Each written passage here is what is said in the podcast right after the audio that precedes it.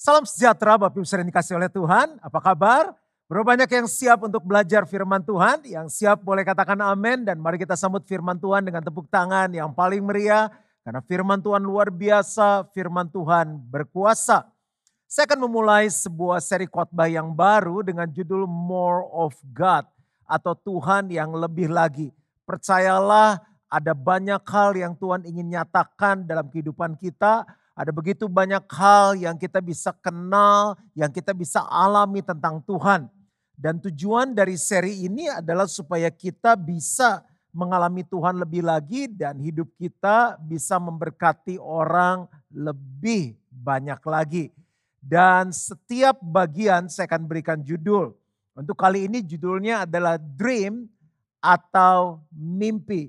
Dream atau mimpi. Dan ayat kunci yang saya akan terus bacakan setiap kali seri ini berganti adalah Efesus 3 ayat 20 sampai 21. Bagi dialah yang dapat melakukan jauh lebih banyak daripada yang kita doakan atau pikirkan seperti yang ternyata dari kuasa yang bekerja di dalam kita. Ayat 21, bagi dialah kemuliaan di dalam jemaat dan di dalam Kristus Yesus turun-temurun sampai selama-lamanya. Amin. Dan saya coba gambarkan dulu tentang dream atau tentang ayat kunci more of God. Ini more of God Bagian yang pertama kita akan bahas tentang dream atau mimpi. Jadi untuk kita bisa mengalami more of God, ini saya singkat M O G. Bukan mogi tapi mok. Ya, untuk kita bisa mengalami more of God dalam hidup kita, firman Tuhan mengatakan bagi dialah yang dapat melakukan jauh lebih banyak kalau kita mengalami more of God, daripada yang kita doakan atau pikirkan. Jadi kalau kita mau berdoa atau kita mau berpikir, dalam bahasa Inggrisnya ada dua kata lain yang dipakai yaitu imagine atau dream, mimpi. Bagi dialah yang dapat melakukan jauh lebih banyak daripada yang kita doakan atau pikirkan, seperti yang ternyata dari kuasa yang bekerja di dalam kita. Kuasa ini sudah ada di dalam kita. Nah banyak orang berhenti sampai di ayat 20 tapi ada ayat 21-nya. Bagi dialah kemuliaan di dalam jemaat dan di dalam Kristus Yesus turun-temurun sampai selama-lamanya. Amin. Tujuannya adalah saat kita mengalami more of God tujuannya untuk memuliakan Tuhan.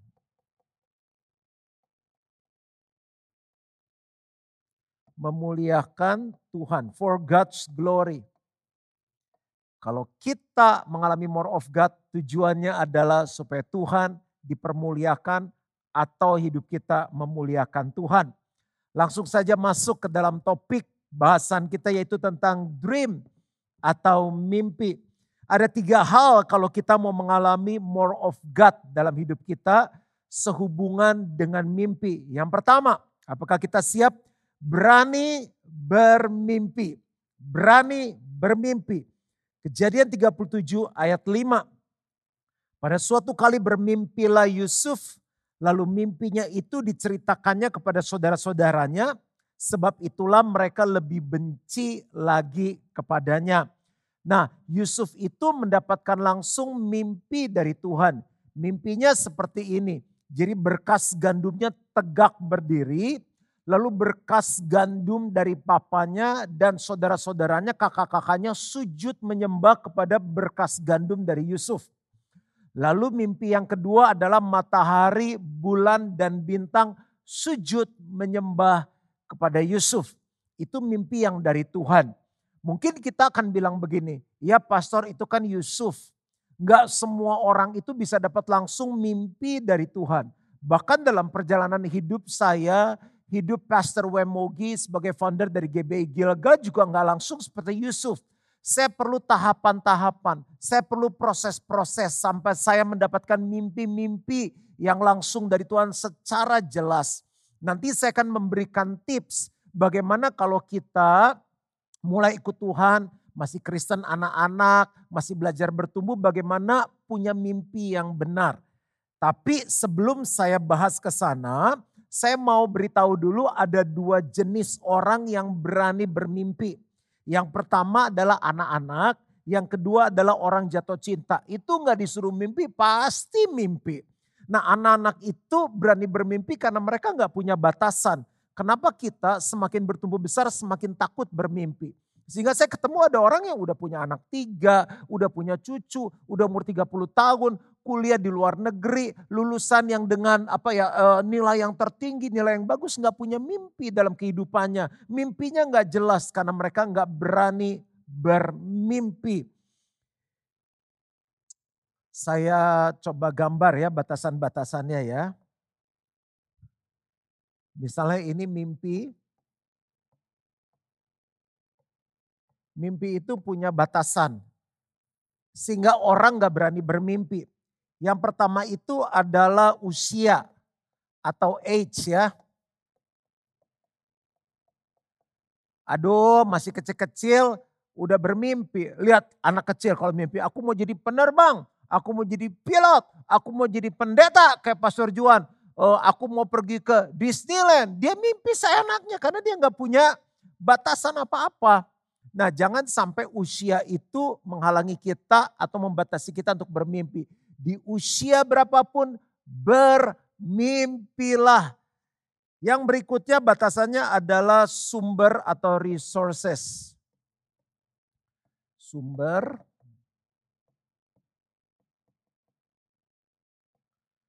sumber atau resources sering menghalangi kita untuk bermimpi.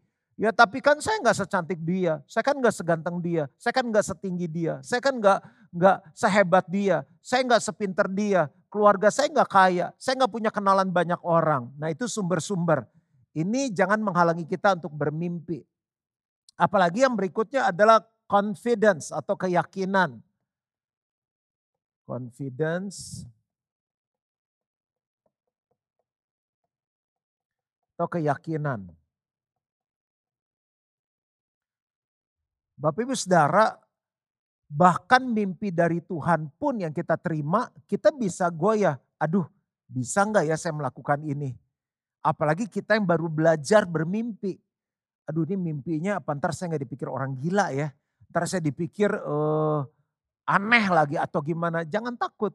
Kita mesti yakin selama mimpi itu dari Tuhan, mimpi itu benar nanti saya akan ngajarin yang saya janji tadi bagaimana kalau kita belum dapat langsung dari Tuhan, langkah-langkah apa supaya kita mimpinya dalam koridor yang benar. Tapi mesti confident dulu, mesti yakin. Lalu yang berikutnya adalah possibility atau kemungkinan. Possibility atau kemungki, kemungkinan. Makanya Tuhan Yesus bilang gini, biarlah anak-anak itu datang kepadaku, karena anak-anak inilah yang akan memiliki, memperoleh kerajaan Allah. Anak-anak begitu polos, makanya anak-anak berani bermimpi. Jangan sampai keempat hal ini, usia, keyakinan, kemungkinan bisa atau enggak ya ini terwujud. Lalu resources, sumber-sumber menghalangi kita untuk kita bisa bermimpi. Orang jatuh cinta, orang jatuh cinta lihat deh Apalagi yang baru cinta monyet awal-awal. Ya nanti kalau kamu menikah eh, anaknya mau berapa? Ya kita nanti mau punya lima anak. Baru hamil anak hamil anak pertama mau melahirkan. Dokter nggak mau punya anak lagi. Nggak mau punya anak lagi. Duh, katanya mau lima. Pokoknya nanti oh, kita nanti akan honeymoon oh, di Hawaii. Kita lari-lari di pantai. Akhirnya mulai ngecek gedung mulai biaya dekor segala baru kekumpul biaya untuk pesta pernikahan ini udah mau pingsan. Itu mimpi yang mau ke Hawaii udah lupa. Tapi orang jatuh cinta itu bisa saling apa ya, eh, bisa mimpinya indah. Terus eh, nggak tahu lah pokoknya sampai si sang calon istri, calon suami bisa pokoknya nanti aku akan begini, aku akan begini, aku akan begini gitu. Itu penuh dengan mimpi orang yang jatuh cinta. Bukankah kita jatuh cinta sama Tuhan? Bukankah kita anak-anak Tuhan?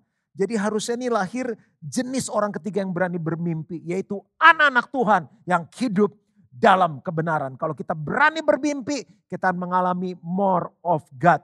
Nah, semakin kita dekat sama Tuhan, semakin kita bergaul sama Tuhan, apa yang saya alami dalam hidup saya, Tuhan tuh banyak kasih mimpi-mimpi dalam kehidupan saya yang datangnya dari Tuhan. Nah, bagi kita yang baru belajar, ini saya kasih koridor atau batasannya ya. Nanti kalau enggak kita mimpi apa aja dan enggak sesuai firman Tuhan. Jadi bicara mengenai mimpi, mimpi apa saja, berani bermimpi di usia berapapun, walaupun enggak ada sumber, walaupun banyak keterbatasan. Yang penting ini, harus mengasihi Tuhan, mengasihi diri sendiri, ini diri sendiri, kalau udah berkeluarga termasuk keluarga. Dan mengasihi sesama. Nah tiga ini harus ada pakai lambang hati aja ya. Love. Saya kasih contoh ya. Misalnya aku mau jadi pengusaha yang sukses.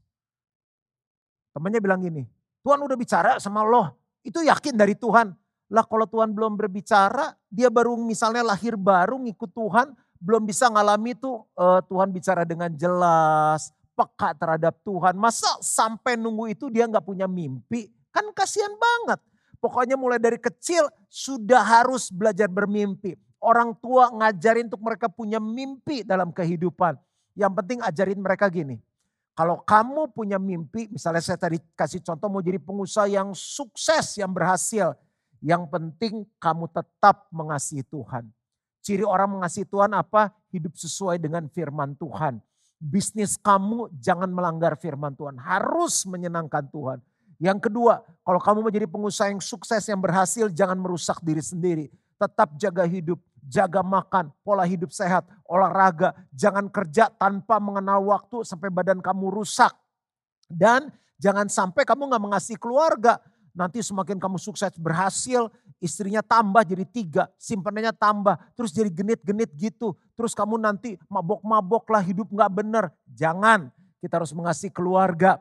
Dan yang terakhir mengasihi sesama. Kalau kamu mengasihi, kalau kamu sukses sebagai pengusaha berhasil, semua yang kamu dapatkan itu harus digunakan untuk memberkati banyak orang. Paling tidak orang yang kerja di perusahaan kamu, di kantor kamu mengalami kasih Tuhan. Mereka hidup sejahtera, tolong banyak orang. Ini batasannya. Nanti dalam perjalanannya Tuhan akan luruskan, Tuhan akan arahkan. Contoh kayak saya, saya punya cita-cita, punya mimpi jadi pengusaha kok. Dan itu saya masih belum lahir baru. Dan akhirnya saya lahir baru, terus mau saya jadi pengusaha. Jadi tahun 87 itu mimpinya jadi pengusaha. Itu lahir baru tuh 87. Sebelum 87 sudah mimpi jadi pengusaha. 87 lahir baru mimpi jadi pengusaha. Bertumbuh, bertumbuh, bertumbuh. Tahun 92, 93 mimpi yang dari Tuhan mulai jelas bahwa Tuhan mau saya melayani Tuhan sepenuh waktu. Belum punya mimpi jadi pendeta, gembala sidang terus berjalan nanti lama-lama disempurnakan oleh Tuhan. Ya, yang pertama kalau mengalami more of God berani bermimpi. Nah, saya mau kasih tips kalau kita mau bermimpi tapi gimana sih caranya yang aplikatif. Saya itu banyak sekali nulis dan banyak sekali gambar. Jadi Bapak Ibu Saudara, saya nggak tahu ya saya angkatan jadul konservatif jadi sekarang mungkin bisa pakai apa alat elektronik, pakai iPad lah, Android atau apa pun kan udah bisa digambar, ditulis. Nah saya biasanya ini karena kalau pakai buku nggak kelihatan, pakai buku. Saya punya buku tebel segini, ada yang kertasnya garis-garis, ada yang kertasnya kosong. Dan saya sering kali minta kertas sama anak saya, kertas yang putih polos. Saya banyak gambar contoh. Misalnya kalau saya uh, mau belum punya rumah, pengen punya rumah, saya udah gambar-gambar dari dulu. Kalau misalnya saya punya tanah segini, ini eh mimpi punya rumah duniawi, eh enggak. Itu tetap mengasihi Tuhan, tetap mengasihi diri sendiri dan keluarga, tetap jadi berkat untuk sesama. Misalnya rumah, saya mulai tulis nanti saya pengen punya rumah seperti apa. Saya tulis, dan itu nggak melanggar firman Tuhan kok. Saya mulai gambar, sampai istri saya bilang ini sayang, kamu tuh bukan arsitek ngapain, katanya tiap malam gambar-gambar. Saya bilang, ntar ini tamannya, terus ini nanti ada kamarnya. Itu saya bisa gambar sendiri. Sekarang beneran saya punya rumah. Apalagi ya, misalnya tentang GC, Gilgal Center. Ini tentang GC ya. Saya udah ngebayangin, ini mulai dari GC1, saya langsung cerita aja tentang GC2. Waktu Tuhan kasih mimpi tentang Gilgal Center 2, saya bilang gini, saya pengen nanti anak-anak itu senang di gereja. Pengen ada kolam ikan, saya tulis. Sekarang gambarnya udah jadi. Saya mau nanti orang-orang naik sepeda, ada kafe terbuka, mereka selain hari Minggu, Senin sampai Sabtu bisa nongkrong di gereja, di situ akan ada banyak orang diselamatkan, bangun komunitas, bikin tempat untuk sepeda. Nah semua mimpi itu saya tuliskan detail, saya gambar, mulai dari dulu saya mempersiapkan pernikahan 19 tahun yang lalu, apa saja begitu saya dapat dari Tuhan, dapat ilham, dapat impresi, saya tulis, saya gambar. Saya tulis, saya gambar detail. Saya pernah tolong orang. Tolong orang waktu dulu masih mimpin apa ya eh, pasangan-pasangan yang mau menikah.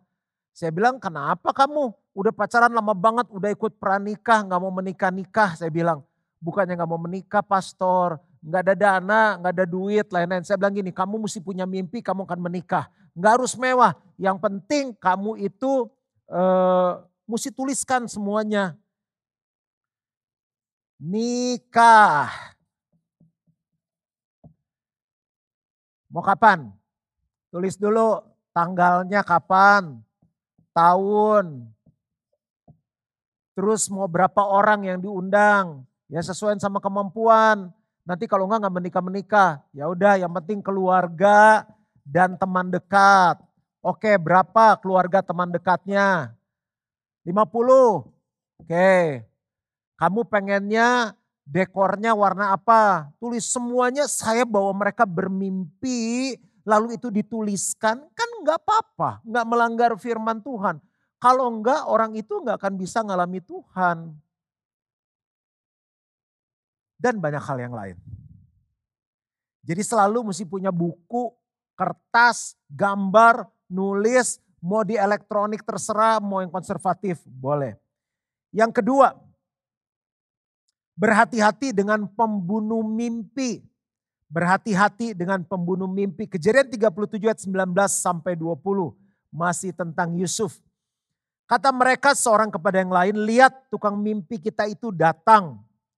Sekarang marilah kita bunuh dia dan kita lemparkan ke dalam salah satu sumur ini. Lalu kita katakan seekor binatang buas telah menerkamnya.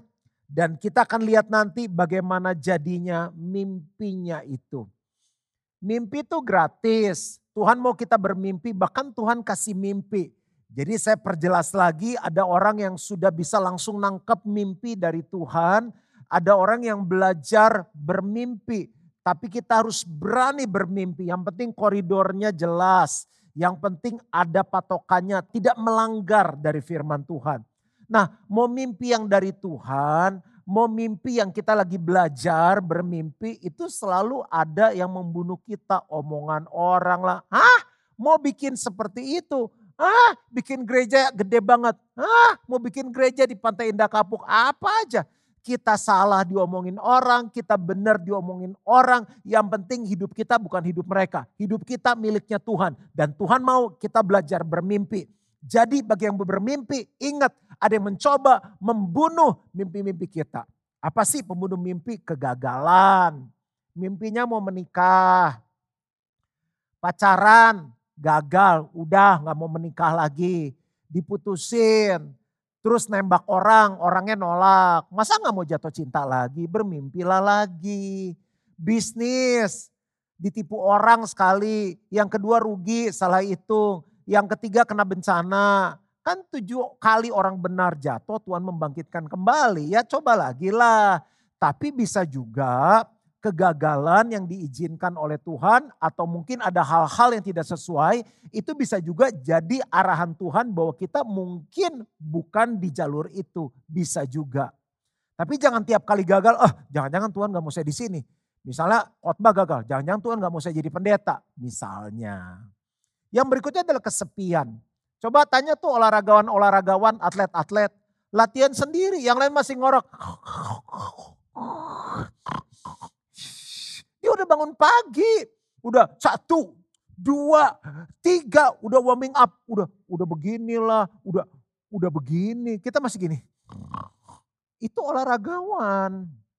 Latihan renang sendiri, latihan sepeda mungkin sendiri cuma dia sama pelatih kesepian tapi tetap kejar mimpi itu. Yang berikutnya adalah waktu. Gak mungkin tuh ada ada pepatah bilang kota Roma tidak dibangun dalam satu malam.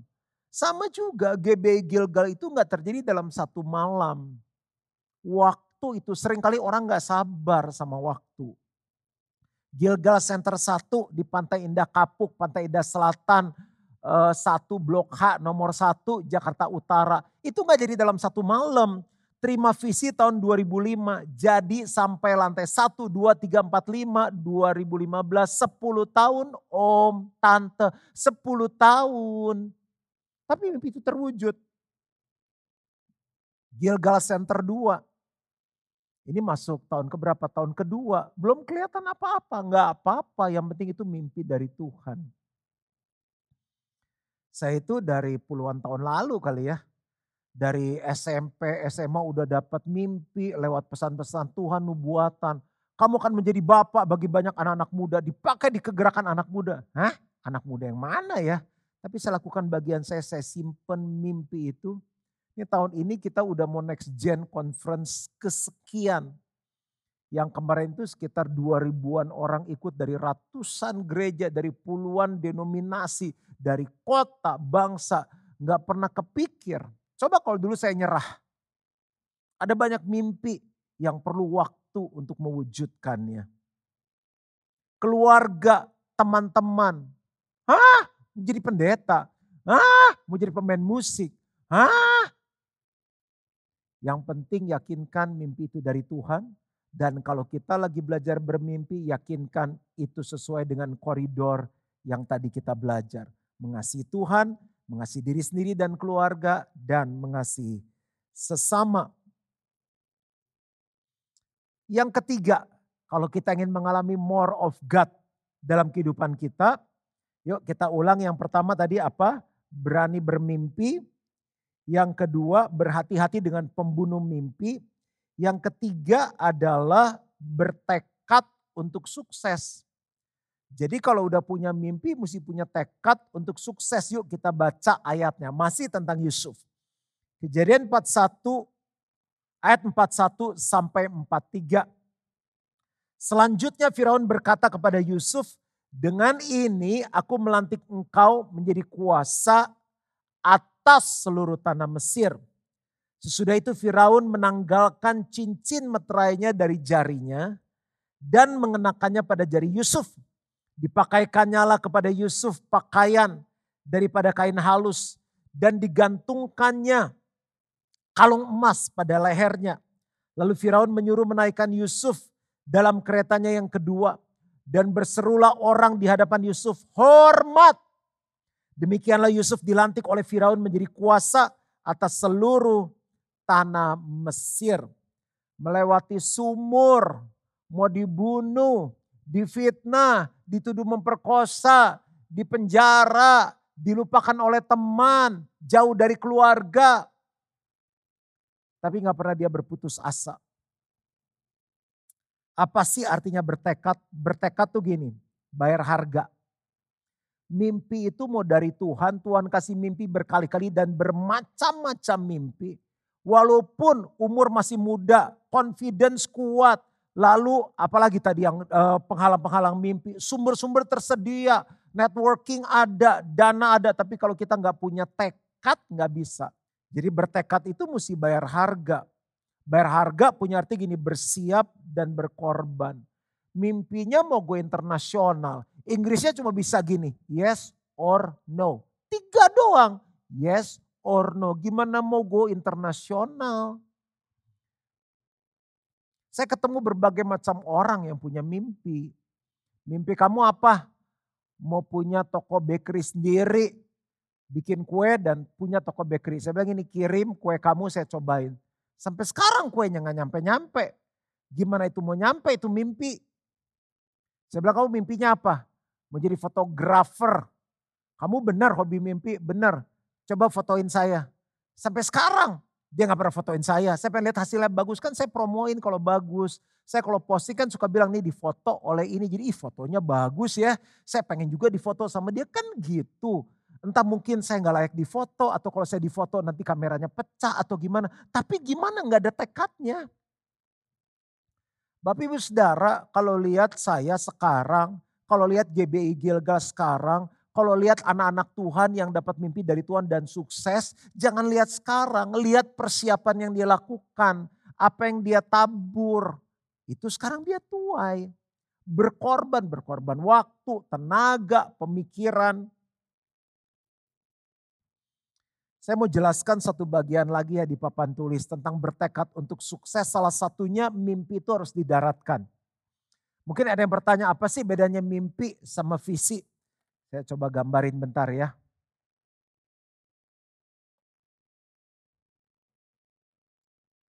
Mimpi itu seperti kita lagi di langit di awan-awan. Gambar awan tuh gimana saya coba ya.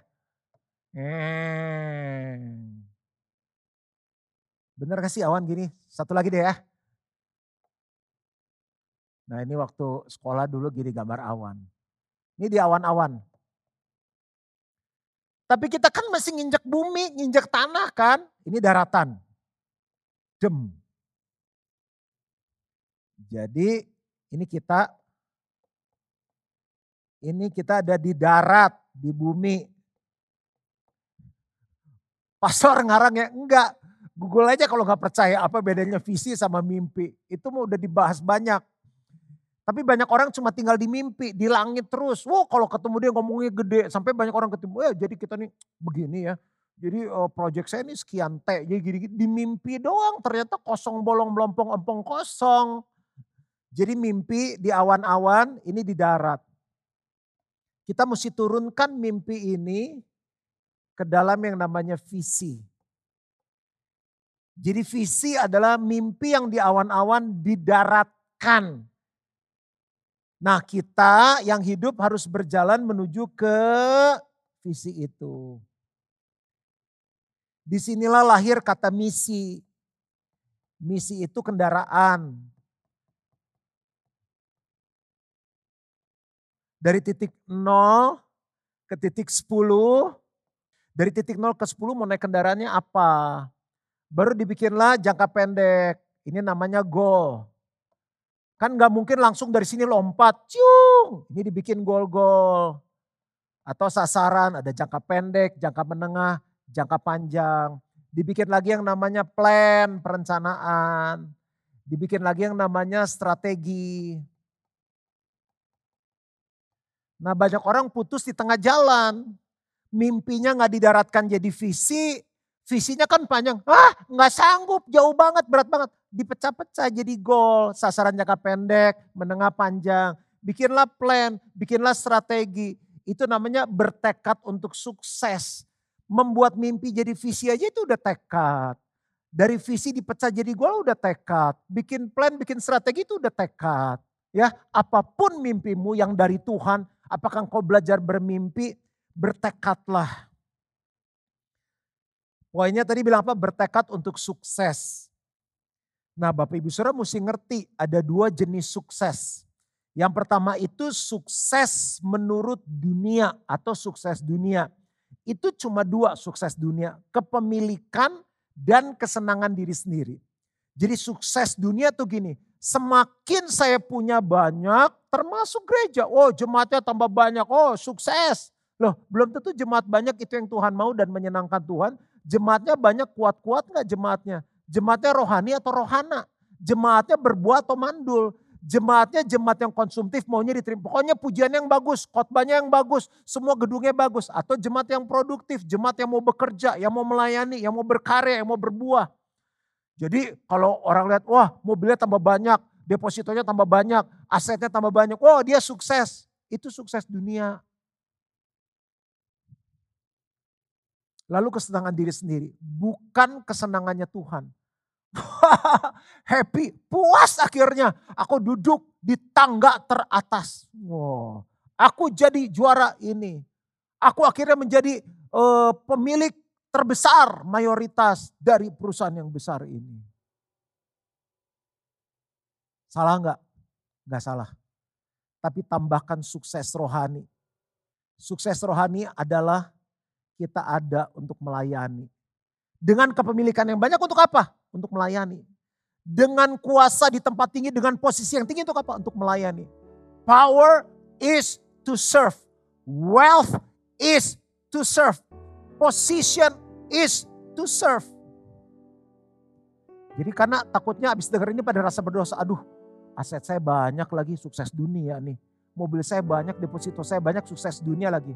Gak apa-apa, gak ada yang salah dengan itu. Tapi tambahkan itu dipakai untuk melayani Tuhan dan melayani sesama. Kalau aku diangkat tinggi oleh Tuhan dengan kedudukan yang tinggi, aku mau pakai untuk melayani Tuhan dan melayani banyak orang. Kalau aku diberi kekayaan yang banyak, aku mau pakai untuk melayani Tuhan, melayani sesama. Kita mau makan berapa banyak sih? Semakin tua makan semakin dikit, semakin sehat. Kita mau pakai seberapa banyak sih? Satu baju, satu celana, satu sepatu. Satu tahun 365 hari. Kalau setiap hari mau pakai beginian cukup punya 365. Kalau duitnya banyak kan gak habis. Pakai untuk yang lain. Pakai untuk menolong orang. Yusuf dia nggak menyerah. Bisa nggak waktu di sumur dijual udah nyerah nyerah deh nyerah deh mimpi tadi hilang aja. Waktu di penjara udah deh nyerah, nyerah, nyerah. Dilupakan oleh temannya udah deh nyerah, nyerah. Enggak. Sampai dia diangkat menjadi kuasa atas tanah Mesir. Tapi di saat dia ada di posisi tinggi, Yusuf menolong keluarganya. Keluarganya selamat dari kelaparan. Yusuf menolong Mesir dalam tujuh tahun kekeringan. Mesir selamat. Bahkan Alkitab mencatat dia menolong bangsa-bangsa lain. Saya tutup dengan satu ayat. Jangan alergi dengan kata sukses. Yang penting suksesnya benar. Sukses adalah untuk melayani. Yosua 1 ayat 8, janganlah engkau lupa memperkatakan kitab Taurat ini. Tapi renungkanlah itu siang dan malam, supaya engkau bertindak hati-hati. Sesuai dengan yang tertulis di dalamnya. Sebab dengan demikian perjalanmu akan berhasil sukses, dan kau akan beruntung. Bahasa Inggrisnya juga lebih jelas. The book of the law shall not depart from your mouth, but you shall meditate in it day and night, that you may observe to do according to all that is written in it. For then you will make your way prosperous, and then you will have good success. Ada kata good success. Berapa banyak yang ingin mengalami more of God? Di bagian pertama kita belajar tentang mimpi. Berani bermimpi itu yang pertama. Yang kedua berhati-hati dengan pembunuh mimpi. Yang ketiga adalah bertekad untuk sukses.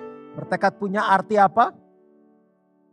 Berkorban, bersiap-siap, membayar harganya, dan sukses yang benar. Sukses itu kita pakai untuk melayani Tuhan dan melayani sesama. Tuhan memberkati. Aku berdoa untuk semua yang mengikuti kebaktian pada hari ini. Biar mereka mengalami more of you. Tapi semuanya bertujuan untuk memuliakan Tuhan dan memberkati banyak orang. Bagi Tuhan yang sanggup melakukan jauh lebih banyak dari yang kita doakan atau pikirkan Sesuai dengan kuasa yang bekerja di dalam kita. Bagi Tuhan kemuliaan. Aku berdoa biar semua yang hadir berani bermimpi. mendapatkan mimpi dari Tuhan. Bagi yang belajar bermimpi mereka tahu koridor yang benar. Mimpi itu harus mengasihi Tuhan. Mengasihi diri sendiri dan keluarga. Mengasihi sesama. Biar mereka nggak kalah oleh pembunuh-pembunuh mimpi. Tapi mereka juga peka untuk menguji apakah mimpi ini dari Tuhan. Dan yang terakhir bahwa mereka bertekad untuk mengalami sukses yang baik. Ingat, sukses bukan kepemilikan yang banyak dan kesenangan diri pribadi tapi sukses adalah untuk melayani. Power is to serve. Wealth is to serve. Berkati semua yang hadir di dalam nama Yesus. Amin.